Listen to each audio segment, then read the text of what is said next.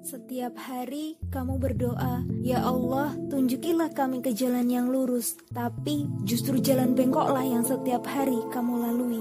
Setiap hari kamu meminta, "Ya Allah, berikanlah kami kebaikan di dunia dan kebaikan di akhirat." Tapi justru keburukanlah yang setiap hari kamu lakukan.